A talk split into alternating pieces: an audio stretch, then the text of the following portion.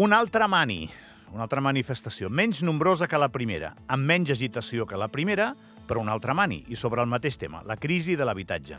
I en el lloc més emblemàtic possible, al costat de la nostra llegenda com a país, que és la Casa de la Vall, i amb els polítics reunits simultàniament al nou Parlament debatent precisament sobre temes relatius a l'habitatge.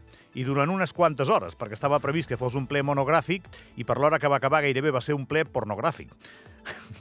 Tornant a la manifestació, l'energia va ser la mateixa que el 31 d'octubre per part dels convocants, però va anar molta menys gent, la meitat, més o menys. A més, eh, a les manifestacions sempre has de mirar quanta gent va. La Poli va dir que la primera més de 1.000, la Poli diu que ara eren 500, doncs per tant eren, eren 500. No passa res per dir-ho, eh, és la gent que hi havia. Aquí vam dir que la primera va ser un èxit espaterrant i la segona s'ha de dir que no tant. Els motius poden ser diversos, però se m'acut un, que és ben poderós i és el de sempre. Aquí no tenim molta cultura. De mobilitzar-nos i fer-ne dues de tan seguides, potser per alguns doncs ja era massa, o no era necessari. També s'ha m'acut un altre argument. La mani del 31 i la d'ahir igual agafen la majoria d'idea amb el pas canviat perquè és la traducció a fets d'un afartament ciutadà que necessita respostes immediates. I el que en sortirà d'aquesta voluntat d'escoltar les protestes és una pròrroga sobre els lloguers i un compromís de vigilar i perseguir els abusos amb mà ferma. Les declaracions d'alguns polítics d'alguns polítics ahir alguns que tenen negocis immobiliaris, com Carles Naudi d'Areny Plandolit Balcells, van ser contundents al respecte. Declaracions d'aquest estil a Andorra no són habituals i vol dir que els manifestants ja han aconseguit tirar alguna paret. Igual en volen tirar alguna més, però alguna ja l'han tirat o l'han mogut com a mínim.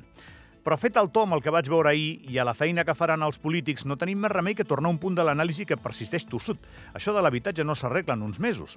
Caldrà temps, potser un parell d'anys, diuen, per veure si les mesures que es volen implantar tindran efecte real en la societat i augmentant l'oferta de pisos de lloguer baixarà el preu d'aquests mateixos pisos. Ho dic perquè tinc la sensació que els polítics han pres nota de la indignació ciutadana, però no sé si tenen molt més repertori que tocar per molt que el públic vagi demanant volem un altre.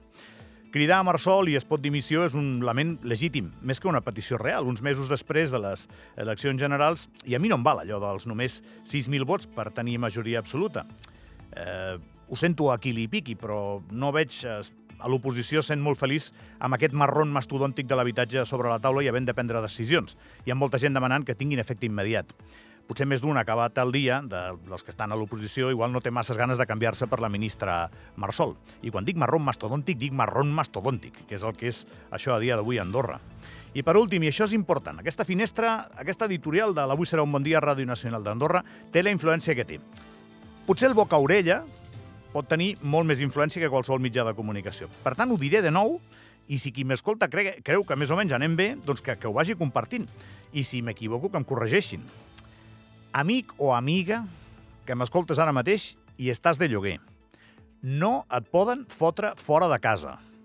Ni per carta, ni per mail, ni amb un dron, ni amb un colom missatger. De cap manera no et poden fotre fora de casa. A dia d'avui no poden.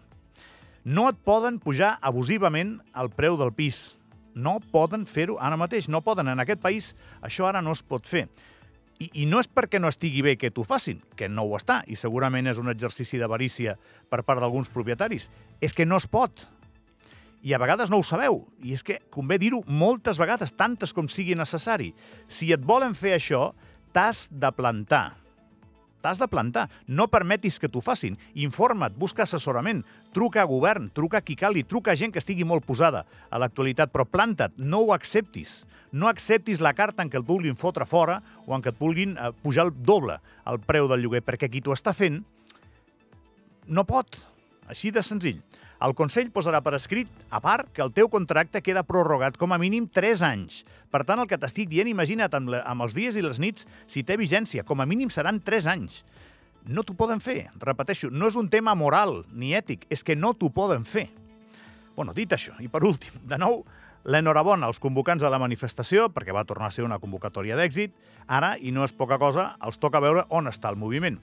Un escàner ràpid dels assistents d'ahir em va permetre veure, de nou, més o menys ho vaig veure el primer dia, que el gruix dels que protesten ho fan perquè Andorra no quedi desfigurada del tot i continuï sent, continuï sent terra d'oportunitats. No crec que fos una concentració de gent desesperada. És la meva opinió, eh? Sí una concentració de gent molt preocupada. Moure masses pot emborratxar una mica que li diguin els cantants o els futbolistes. I els següents moviments de denunciants seran claus per veure la consistència d'aquest moviment ciutadà. I redundo en moviment, eh?